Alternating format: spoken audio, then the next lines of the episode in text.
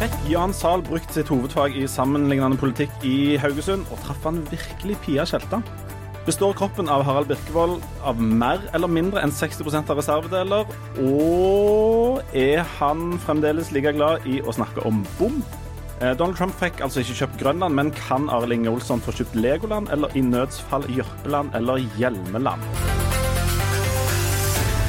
Velkommen til Aftenbladet. Velkommen skal dere være. Jan, du er tilbake fra filmfestivalen i Haugesund, og du har en kjempenyhet til alle våre lyttere. Jeg er tilbake.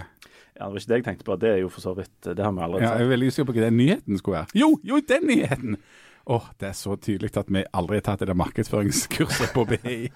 Du, vi skal lage, vi skal lage eh, show av Aftenbladblad. Vi skal ha Aftenbladblad live i Stavanger, på Stavangeren. 25.9. Der må folk komme og sitte i salen. Ja, og vi har, eh, vi har jo bestemt oss eh, for å gjøre det sånn at vi kommer til å føre fravær av de som ikke kommer. De kommer til å få fravær, og sånn, Ja. det blir sånn prikkbelastning. Ja. Og du kan risikere å miste rettighetene til å lytte til program hvis du ikke kommer. Ja.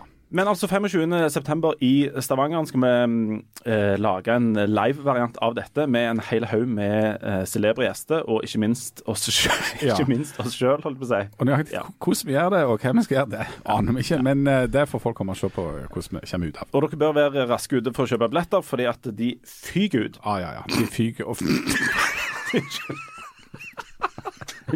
Det aner vi, jo ingenting om. Antageligvis ikke. Please, please come. Så snilt det blir så trist hvis vi sitter der helt alene. Altså 25. september. Det var markedsføringen. Um, du har vært i film, på filmfestivalen i Haugesund. Ja, det er jo mange som tenker at det der å være kulturjournalist, det er jo slettes ingen jobb. Og det er de veldig rett i, egentlig. Så nå har jeg tilbrakt eh, seks dager oppe i nordfylkets perle, eh, i regn og, og blest, eh, og, og Haraldsgate og alt i hop, og, og sett en del film. Og ja, møtte møtt på noen folk. Ja, OK. Uh, møtte du Aksel Hennie?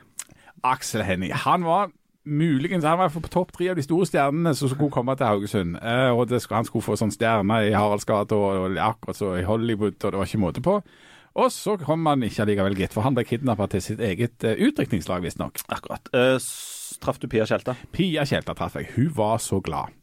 Pia Tjelta hun har jo altså blitt nominert til Amanda tre ganger. Uten å vinne. Uten- Ja, Hun vant jo den tredje gangen, da Ja. alle gode ting er tre. Mm. Så hun fikk Amanda for innsatsen i 'Blindsone', eh, som en film der hun spiller ei mor som opplever at eh, tenåringsdattera plutselig prøver å ta livet av seg, som jo er dramatisk. Og gjør en voldsom innsats der. Og den filmen er, til alt overmål nominert som Nordisk råd-kandidat eh, for Norge. Så, så det, det er voldsomt ute. Men, men hun var hoppende glad, rett og slett. Skal jeg fortelle en Pia Tjelta-anekdote? Den er ikke veldig god, men kanskje jeg skal Ja, det likevel. det, det er vel det beste du har bjuda på, tenker jeg. Og det sier jo ikke stort, Altså for god. for nå, det er jo ikke så ofte jeg er på Tjelta, som jo er en plass, ikke bare ei dame. Mm. Uh, men en gang var jeg på Tjelta. Åh, nå tenkte jeg et eller annet. Ja. Ja. Nei. Uh, jeg, jeg, altså, jeg kjørte forbi Tjelta. Uh, of, dette er en dårlig anekdote. Jeg kjørte forbi Tjelta, og så trodde jeg jeg så Pia Tjelta, altså på Tjelta. Ja. Og, og altså, den lille sammenhengen mellom Pia Tjelta og sted Tjelta gjorde at jeg nesten kjørte på en postkasse.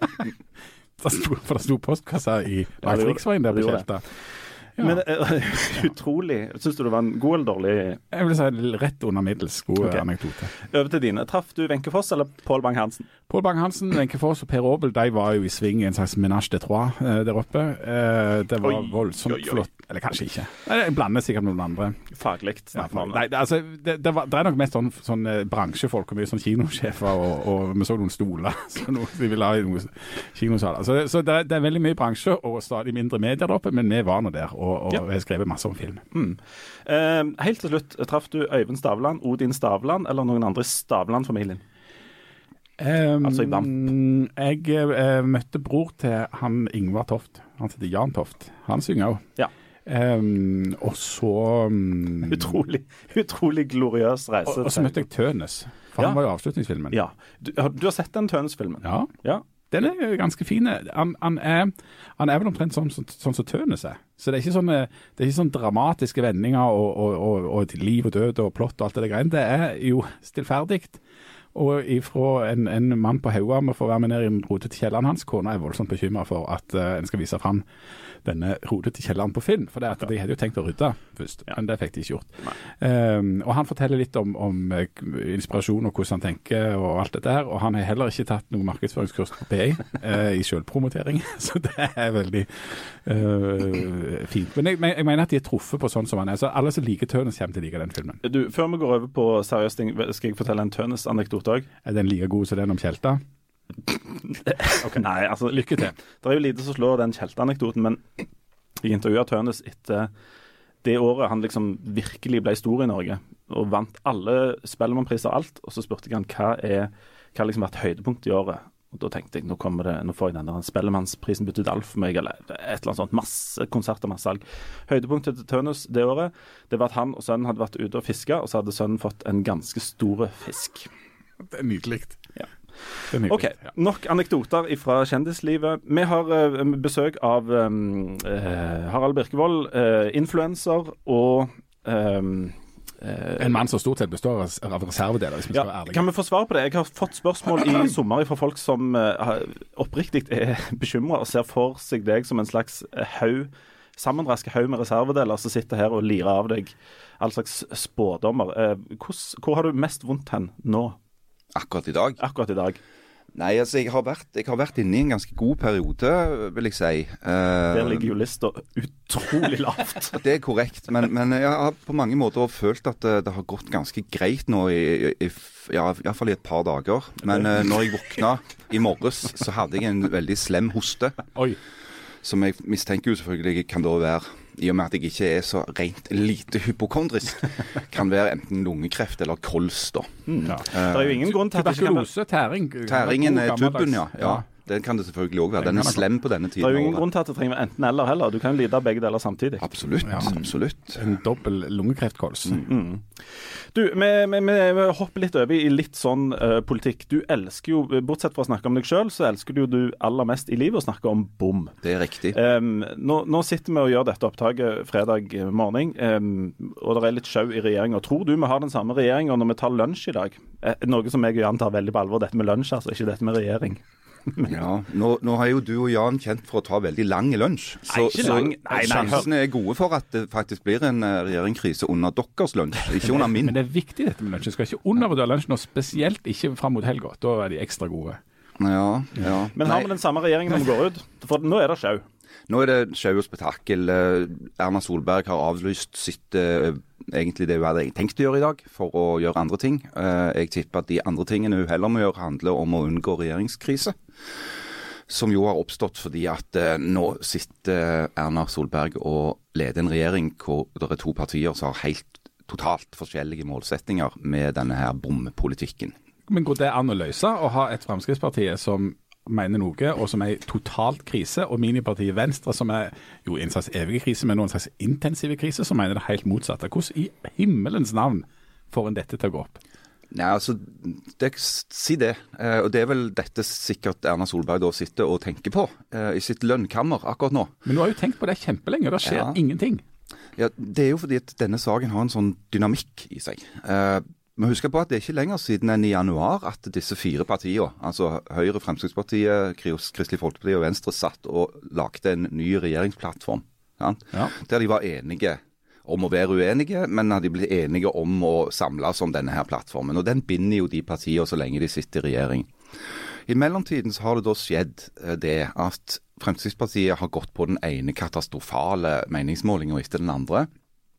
Og alle analytikere i partiet og utenfor partiet, inkludert meg, vil være enige om at hovedgrunnen til denne voldsomme tilbakegangen er at partiet møter seg sjøl i døra, slår seg sjøl på kjeften, sager over den greina de sitter på, ris til egen bak, alt det der. Fordi at de har lovt noe de ikke kan holde. Sånn, og, og velgerne har gjennomskua det. For de sier på den ene siden at de skal bygge en haug med veier. Jeg kjørte personlig hjem fra Kragerø for noen dager siden og kan attestere på at veiene er formidabelt fine nå på de strekningene hvor de er ferdige. Ja. Du kjører som et olja lyn rett fram, og det går som en Det går som en røyk. Ja, men det, For det koster jo kolossalt med penger å Og det koster kolossalt Ja. med penger. Og når dette ble vedtatt, så visste Fremskrittspartiet forbanna godt at den eneste måten å betale dette gildet på, var bompenger. Eh, og så sier de på den annen side at hvis de bare hadde hatt rent flertall, eh, altså på Stortinget, eh, noe ingen har hatt på veldig veldig lenge siden Arbeiderpartiet sine stormaktsdager, så ville det ikke vært bompenger. Men folk er jo ikke dummere enn at de skjønner at den situasjonen ikke kommer til å oppstå i overskuelig framtid. Ja, Det finnes jo noen regimer der ett parti har voldsomt stort flertall. F.eks. Ja. Cuba, eh, Nord-Korea og Kina, tror jeg òg. Ja, det har de. Ja. det. Aserbajdsjan. Aserbajdsjan, ja, ja. Ja. Altså, det går jo an. Ja da, ja, absolutt. men men eh, her snakker vi jo om, om et demokratisk valg, som vi jo faktisk hadde i Norge da etter krigen, hvor Arbeiderpartiet var klart størst. Kan- Men altså Kan det være at dette viser noe av svakheten ved populisme, der du både sier at du skal kutte skatter og avgifter, og samtidig love at du skal bygge ting som er kjempedyrt? Altså Du får et sånn regnestykkeproblem da. Ja, du får et regnestykkeproblem, som du sier. og I tillegg så har jo eh, regjeringen Solberg har jo òg et helt klart måleproblem. For det at de har på den ene side forplikta seg til å få ned utslippene, begrense biltrafikken, gjøre bylufta bedre, alt det der. De har selv vedtatt disse bymiljøpakkene. Bymiljøpakkene var på mange måter Erna Solberg sin idé.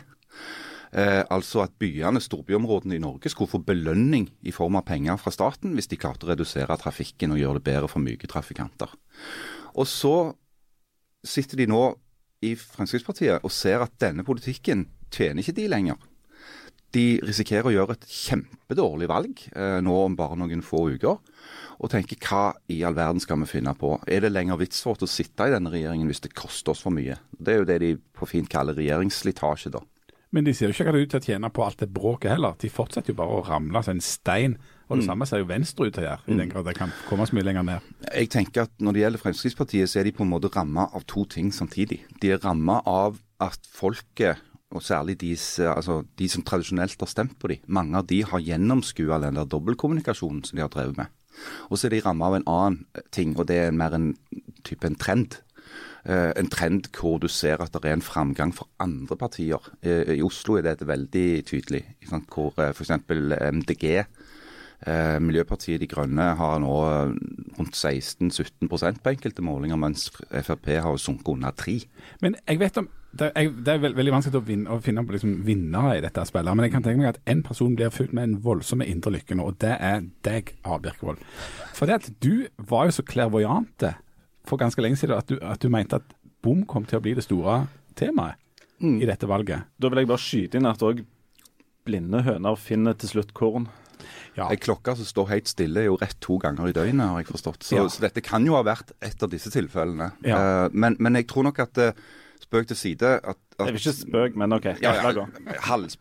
Nei, jeg visste La oss gå men- videre. Ja, la oss gå videre. Uh, greia er at uh, i og med at dette bomopprøret starta her på Ja, eh, for det gjorde det nemlig. Sør-Vestlandet sånn, Dette er vår skyld eller vår gevinst. Vår, det er vår greie. Eh, Det merker vi jo òg nå med alle de Oslo-baserte redaksjonene som drar på sånn pilegrimsreiser til eh, Nord-Jæren for å finne ut hva det var som Mm. egentlig skjedde. Eh, Så, så tror jeg nok kanskje at vi her på våre kanter så det litt før andre, hvor stor sprengkraft denne saken eh, kan ha. Og du ser jo det nå med altså, de siste debattene nå i bystyret, interpellasjonsrunden i bystyret nå rett etter sommerferien, som jo viser at forvirringen er omtrent komplett. Eh, alle driver og skylder på hverandre. Ingen har lyst til å sitte med skylda og regninga for dette her greiene når valget kommer. Ja. For det Forvirring er jo ikke bare totale på riksplan, og riksplan er altså ikke det vi skal velge nå, men det er jo komplett kaos òg her lokalt. Eh, og et Rolls både i Stavanger og Sandnes. Og, og eh, Frp har vel stilt et slags sånn kabinettspørsmål nærmest. eh, altså Er hele greia i spill på en helt annen måte òg i Stavanger f.eks. nå? Ja, det lager jo en voldsom dynamikk ikke sant? inn i, i Det eh, betyr det lager en voldsom dynamikk. Ja, for det, at greia er at ingen kan være helt sikre på hvem som holder med hvem. Nei. Sånn, sånn at når, når folk har stemt, og de har talt opp stemmene, så er Altså hvis du spoler tilbake noen valg, så var det relativt opplagt eh, på forhånd eh, hva slags utfall du kunne få. Altså Hvis Høyre blir så store, og Ap blir så store, og Venstre blir så store, og de blir så store, så kan du på en måte på forhånd beregne altså noenlunde hvem som kommer til å samarbeide med hvem, og hvem som kommer til å få ordføreren osv. Nå er dette blitt mye mer dynamisk, for det, er ikke helt sikkert hvilke blokker som får støtte av hvilke små partier. Sånn at uh, i den sammenhengen så er det jo et mye mer spennende valg. Eh, og som du sier, så er det jo stilt et sånn ultimatum fra FrPs side at de kan ikke støtte en ordfører som ikke gir de visse konsesjoner når det gjelder bom. Men på den annen side så har jo Kari Nessa Nordtun òg fått sånne trusler i gåseøyne. ikke sant? Om at de, de kan ikke tenkes å samarbeide med henne hvis ikke de gjør noe. Sånn at det er mye som står på spill her nå. Om du egentlig sier, Harald, at velgerne ikke kan stole på noen av partiene. Når valgdagen kommer, så vet de egentlig ikke hva de stemmer på når de stemmer. Ja, til en viss grad. For du, kan ikke, du kan ikke si med sikkerhet hvilke partier som kommer til å samarbeide etter valget. Eh, For det vil avhenge av visse sånne betingelser som de har stilt nå i de siste ukene. Eh, Og det gjør jo det hele mer forvirrende. Fordi at Litt av poenget med alle disse partiene er jo faktisk at de har forskjellige meninger. Hæ? Men samtidig så er de jo tvungne til å samarbeide med hverandre. Jeg må bare si det at jeg, jeg har jo ikke, i motsetning til Jan Sahl, som faktisk har et hovedfag i sammenlignende politikk fra Universitetet i Bergen, så har jo ikke jeg dette. Jeg er veldig glad for at du nevner dette. Ja, um, Det er noe mange ikke vet. Men uh, sier du Arling Olsson, at partiene står for forskjellige ting? Partiene står for forskjellige ting. Og så sier Harald at siden de gjør det, så er det ikke gitt eh, hva som eh, blir resultatene av politikken som kommer etter valget, pga. at vi ikke aner hvilken sammensett, hvilke sammensetninger som kan Ja, for Det som er vanlig, ikke sant, det Er er det da vits i å stemme i det hele tatt? Ja, herlighet. Klart det er det. Alle må stemme. Gå og stem. Men greia er at ofte så har det vært sånn at eh, det har vært en avtale som er gjort på forhånd, samarbeid på forhånd. sånn at eh, Det skal jo på en måte være med å hjelpe velgerne til sant? En stemme til vårt parti er en stemme til den og den ordføreren, til de og de konstellasjonene. Sånn.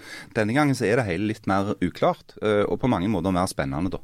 Men i, i motsetning til dere som jo tilhører det, det øverste sjiktet i samfunnet og eliten og intelligensiaen, så står jo jeg til knes i vanlige folk. Jeg kjenner jo både både lærere og offentlig ansatte og venstrehendte og, og all slags mulige folk. Jøss. Jeg har aldri før hørt så mange si i år vet jeg faktisk ikke hva jeg skal stemme. Eh, og det tror jeg er en ganske vanlig ting der ute nå. Um, det, det, er, det er mange som rett og slett ikke vet. Hvorfor er det blitt eh, sånn? Nei, det, det er jo et mirakel, dette her. For det, jeg har tatt opptil flere valgomater.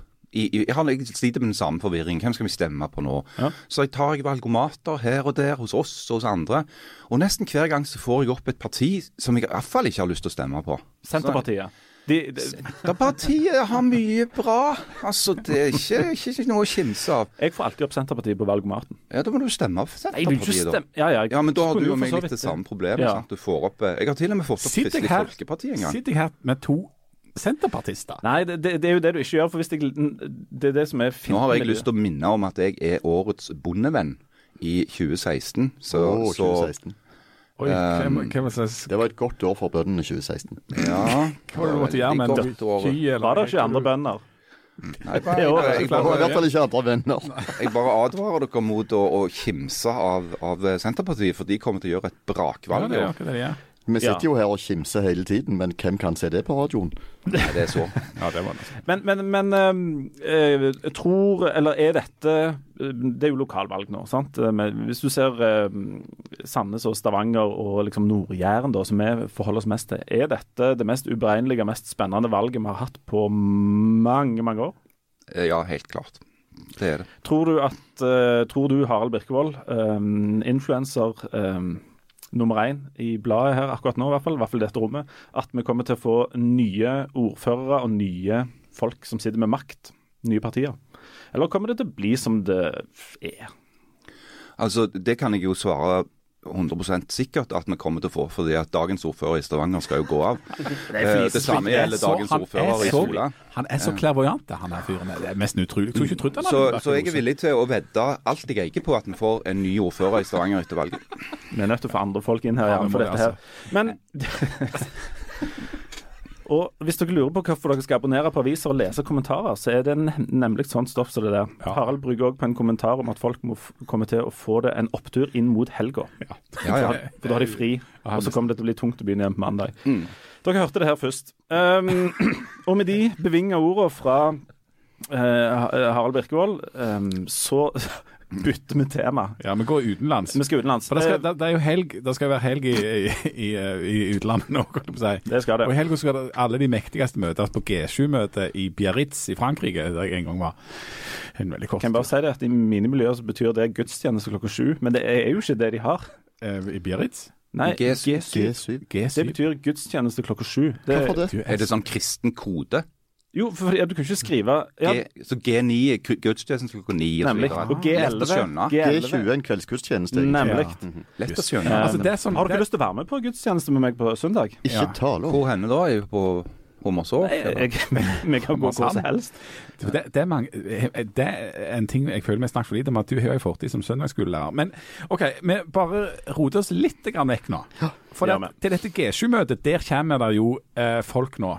For eksempel han fra Brasil kommer. Eh, men viktig ja, Jair så- Bolsonaro. Jair Bolsonaro, som nå eh, driver og skjeller ut verten for dette. Eh, Han er en Macron. imperialistisk kolonialist. Han er en imperialistisk kolonialist. Og så kommer det en annen fyr som har skjelt ut den samme franske presidenten, nemlig Donald Trump. Og Donald Trump han skulle på vei tilbake igjen egentlig ha vært innom Danmark en tur, Ja. men det droppa han. ja, han ble fornærmet når han ikke fikk kjøpe Grønland. Ja, Men hva i him... Det høres jo ut som en vits eller en film eller et eller annet sånt. Hva i all verden er det som skjer her, utenriksmann? Jeg syns det er veldig smart å tenke at eh, nordområdene er viktige. Grønland er geopolitisk uh, viktig. Og uh, det er jo faktisk en grunn til at f.eks. Norge har en tilstedeværelse på Svalbard. Vi er ikke der for å grave kull, altså. Nei. Så, så, Men- er jo- men- så er det jo sånn at amerikanerne faktisk har en eh, ganske stor base på Grønland allerede, som heter Thule. Og Der de blant annet eh, eh, kontrollerer mye som skjer langt inn i Russland. Så er det sånn at kineserne har kommet på banen, og de har fridd til danskene og grønlenderne og prøvd å få bygd ut infrastruktur der oppe. Det tror jeg har fått bjellene til Trump til å ringe. Oh, nå fikk jeg noen bilder. Sånn at, eh, sånn at det ble det ble plutselig aktuelt for, eh, for amerikanerne å komme på banen. For dette handler om, om makt og sånn militær tilstedeværelse, og etter Ja. hvert handel. Ja, og det er jo der det går helt galt. fordi at verden er ikke sånn lenger at vi slåss om eller kjøpslår om areal og folk Nei. og sånne ting. For vi kan for eksempel, altså vi kunne i teorien lagt ned et bud på Jämtland og Herjedalen, men du kjøper ikke land på den måten. Det gjorde de for noen hundre år siden, men ikke nå. Nei, altså eh, USA kjøpte jo Altså Louisiana-kjøpet utvida jo eh, USAs areal med ca. 30 Og Alaska kjøpte de vel for en, noen knapper glansbilder av en russisk eh, Men det som òg var tilfellet den gangen på 1800-tallet, når disse kjøpene skjedde, det var jo at den selgende parten gikk til USA og ba de kjøpe det. For det at både franskmennene russerne trengte penger til å krige mot Storbritannia. Akkurat. akkurat. Og, og det er jo det som er at Grønland er jo Er det et land? Grønland er et autonomt område i Danmark. Det er såkalt selvstyrt. Uh, Men med den økonomien som, som Grønland har i dag, så, uh, så er de helt avhengige av, av den danske hjelpen, for å si det sånn. Men når det er sagt, så kan vi jo òg spørre oss sjøl om hvilke penger Trump hadde tenkt å kjøpe Grønland. For nå er underskuddet i USA så kolossalt at det nærmer seg en billion dollar. Ja. Og eh, Trump har jo nå faktisk eh, sagt at han ikke vil sette ned skattene likevel. Eh, Rett og slett fordi at de ikke har råd til det. Så USA går eh, ganske greit sånn privatøkonomisk, men det går veldig dårlig hvis du ser på de offentlige budsjettene. Altså Gjelda i statsgjelda i USA har ikke vært høyere nå enn altså Sist gang den var så høy, var rett etter andre verdenskrig, når de hadde brukt alle pengene sine på å vinne krigen. I Trump sin tid som president har han steget med 25 Og han gikk til valg på at han skulle få han ned. Ja, og det, for, for det går jo ikke så himla bra for Trump eh, egentlig der borte nå. Eh, der har vært mye motstand og en hel del ting som på en måte ja, det, altså, ah, Dette er jo sånn eh, grader og grenser når det gjelder Trump, da, for det har vært noe humpete hele presidentskapet. Men nå, nå i det siste har det gått spesielt. Ja, han er en eh, hardt pressa mann, og for øyeblikket så ligger han på en popularitets, eh, et popularitetsnivå som er det ant laveste som er målt på, på noen president i snitt i første periode. Det er for jo uten sammenligning for øvrig. Det er jo det samme målingene som Jan Zahl har. Han er jo den nest minst populære i kulturavdelingen. Ja, det er bare det at dette har amerikanerne målt nå siden andre verdenskrig. Så de har ganske gode tall på det. Og, Vi målte bare i dag morges, men det er OK. Trump, ligger, Trump ligger på 41% Allikevel, kan det godt være at han vinner valget. Ja, det, Alt tyder jo på det fremdeles. For eh, Så lenge amerikanerne har det gått noenlunde godt i lommebok, og de har jobb, så stemmer de på det. og han har fremdeles kontroll på disse Midtvesten-statene. Det er vel bare kystene som er liberale, og der bor det masse folk, men eh, Ja, Det er flere ting her som kommer til å spille inn, og rustbeltet eh, er viktig. Eh, Med stater som Pennsylvania og Ohio. De må han vinne for å vinne. Ja. Det betyr at hvis demokratene greier å ta de, så, eh, så er det mye mulig at de vinner valget. Men så har du òg Florida, som er en stat som vanligvis vinnes med en margin på snaut 1 ja, det, Der kan òg mye skje. Så igjen, mye avhengig jo av hvilken kandidat demokratene stiller med. Kan jeg stille et eh, spørsmål til dere som kan eh, mye om alt om, om Grønland? Litt tilbake til det. Jeg så en vitsetegning her en dag som viste um, noe sånn som at det var liksom Nordpolen som var tegnet. Og så lå Trump eh, på lur nede i USA med, sånne, med sånt langt våpen, og så var Nordpolen smekkfull av kinesere og russere. For der er det noe issmelting og uh, noe som eh, kineserne kaller den nye Silkeveien, Ja, som òg er, er en del av dette her greiene her. Hva, hva er den nye Silkeveien, og hvorfor er, det så, hvorfor er de så opptatt av disse nordområdene? Ja, det er det jeg sier at det, altså, det er viktig. Fordi at uh, issmeltingen gjør jo at det er nye handelsveier til havs. Du kan ta båt fra Kina altså rett over Nordpolen omtrent. Ja, du kan gå nord for uh, Russland. Du kan gå nord for Canada. Du kan ikke gjøre det i dag, annet enn unntaksvis. Men det er godt mulig at dette er virkelighet om noen år. Og da, er eh, da har plutselig Grønland gått fra å være Ultima Thule til å bli verdens navle. dette, jeg må bare få si det, Linda, at dette er det mest avanserte jeg noen gang har hørt en søndagsskolelærer si, rent sånn geopolitisk. Takk. Det, er- det Lista ligger jo enormt lavt. Ja. uh, Vi er vel tilbake til det der høne- og kornet-greiene igjen. akkurat. Selv en blind høne kan verpe et egg. Ja, og, Ja. og, og merk dere at han så det altså først i en vitstegning. ja. Det er jo der jeg har alle mine geopolitiske er all, ja, ifra. Men dette, Harald, er, det er eh, en del av altså, Det høres litt sånn tøysete ut at, Grønland, at Trump vil kjøpe Grønland. Men det er altså sånne ting som gjør at han altså Han tenker at eh, vi må kjøpe Grønland, for da har vi kontroll oppi der, Så det er kalt. Make Grønland green again. Ja, ja, ja, absolutt. Det, det er jo selvfølgelig òg en mulighet for at han har misforstått at han trodde dette med Greenland hadde noe med golf å gjøre. Selvfølgelig. Ikke sant? Det kan at, selvfølgelig at det var derfor. Men, men altså, spøk til side, så er det klart at det som, som Marild sier er kjempeviktig, at dette handler om at nordområdene har blitt et sånn derre skueplass for sånn stormaktspill med Russland og Kina og nå USA i slags hovedroller. Og så sitter disse her små eh, skandinaviske landene, særlig med og, og, og Norge og Danmark, og har sånne uforholdsmessig store andeler av disse områdene. Sant? Altså Grønland er verdens største øy. Danmark kontrollerer et territorium der som er helt gigantisk. Det er klart at mange tenker jeg, som går på f.eks. G7-møtet. verdens Som ikke er rikeste- gudstjeneste klokka sju, men et veldig viktig møte for folk som har makt og penger. De syns at det er litt sånn merkelig at et lite tøyseland som Danmark, som egentlig bare er en slags sånn der, eh, litt sånn oppskrytt grisefarm for EU, skal sitte og kontrollere så enorme områder. Ikke sant? Eh, Det, det Nå er de to mann som har fornærma danskene denne. Men, men det, andre jeg hadde lyst til å si om, om herr her Donald Trump, det er jo at det er dette som Arild er inne på, altså det geopolitiske spillet, det er én måte å betrakte eh, Grønland Gate på. En annen måte å se det på, eh, som jeg tror også har en del for seg, det handler om dette med Trumps evne til å bruke sånne utspill som dette taktisk. Altså å lage støy og skandale og mirakels for å avlede oppmerksomheten fra andre ting. Og Da er jeg litt tilbake til det som dere snakket om i stad, med denne astronomiske statsgjelda og de store økonomiske problemene som Trump eh, nå er nødt til å forholde seg til i USA. For det at gode gamle Bill Clinton sa jo i sin tid, når han førte valgkamp, disse berømte ordene 'It's the economy, stupid'. Altså Hvis du ikke klarer å tilby amerikanerne utsikter til et bedre økonomisk liv, så vil du ha problemer med å vinne valg. Og Da kan du tenke deg at strategene som er rundt Trump, for jeg tror ikke Trump er en stor strateg Hæ? Eh, Dette ja, er helt ny informasjon. Jeg vet det er en brannfakkel, men de er veldig fornøyd med at han hele tiden holder på med disse tingene som gjør at folk snakker om alt annet enn økonomien. Får det til å handle om Trump? Får det til å handle om Trump, får det til å handle om skandale, får det til å handle om Danmark og Grønland og rappere som han går i forsvar for, eller folk han skjeller ut, eller New York Times som er fake news. Alt annet enn det som er de økonomiske realitetene. Og alt annet enn det som handler om alle de løftene Trump har gitt under valgkampen, som han er ikke i nærheten av å ha innfridd. Ja, for Jeg tror ikke du skal overvurdere den strategiske, overordna politiske tenkningen til Donald Trump. Igjen. Hæ?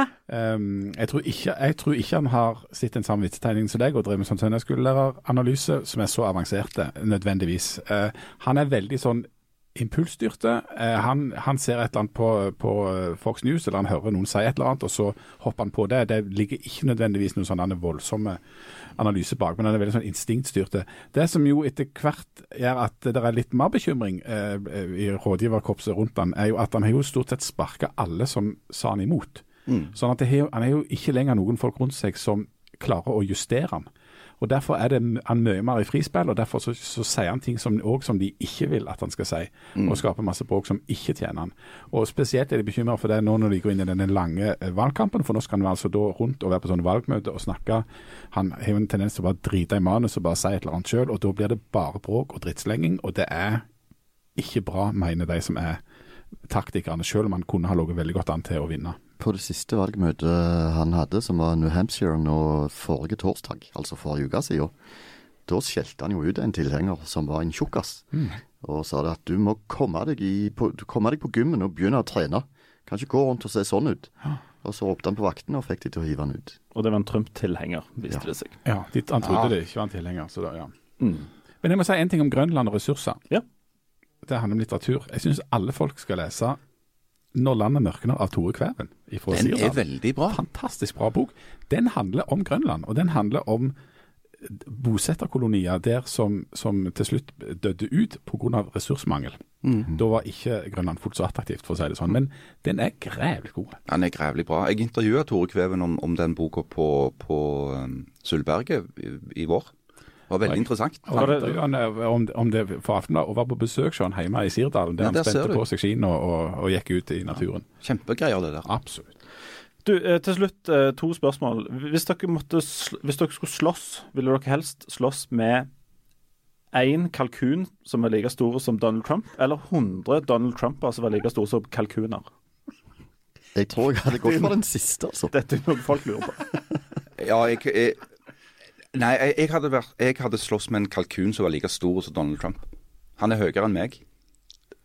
altså Det hadde vært en sånn en gang i livet-opplevelse. En enormt ja, stor kalkun. Siste, det siste en enormt stor kalkun. Ja, for han er vel 1,90, er han ikke det? Han er 1,93-4, tror jeg. Men, tror, du hadde, tror du med, med din uh, no offense-kropp uh, hadde klart å ta en, en kalkun som er 1,90 altså 1,90 høy kalkun? Nei, jeg hadde satsa på å springe fra han.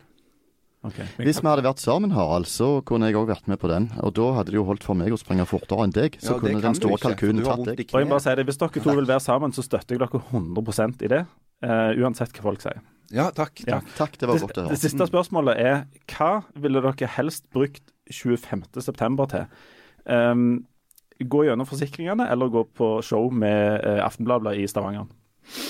Eh, og det var vanskelig, ja, det, den den og hvor lang tid altså, Alle folk bør jo gå gjennom forsikringene sine med jevne mellom. Det er store penger å tjene, altså, fordi du får voldsomt gode sånn lokkelbud, men så går prisen opp, mm. og, og bestiller seg ned, og det er kanskje kjedelig, alt det der, men altså nå snakker du om, altså, om det showet, eller om, om å gå gjennom skatt? Ja, 25. Jeg, jeg, jeg, kan komme på det showet, men bare hvis jeg kan få lov til å komme og snakke litt om hvordan jeg har det, rent sånn fysisk. Vet du hva, det kan vi love deg her nå.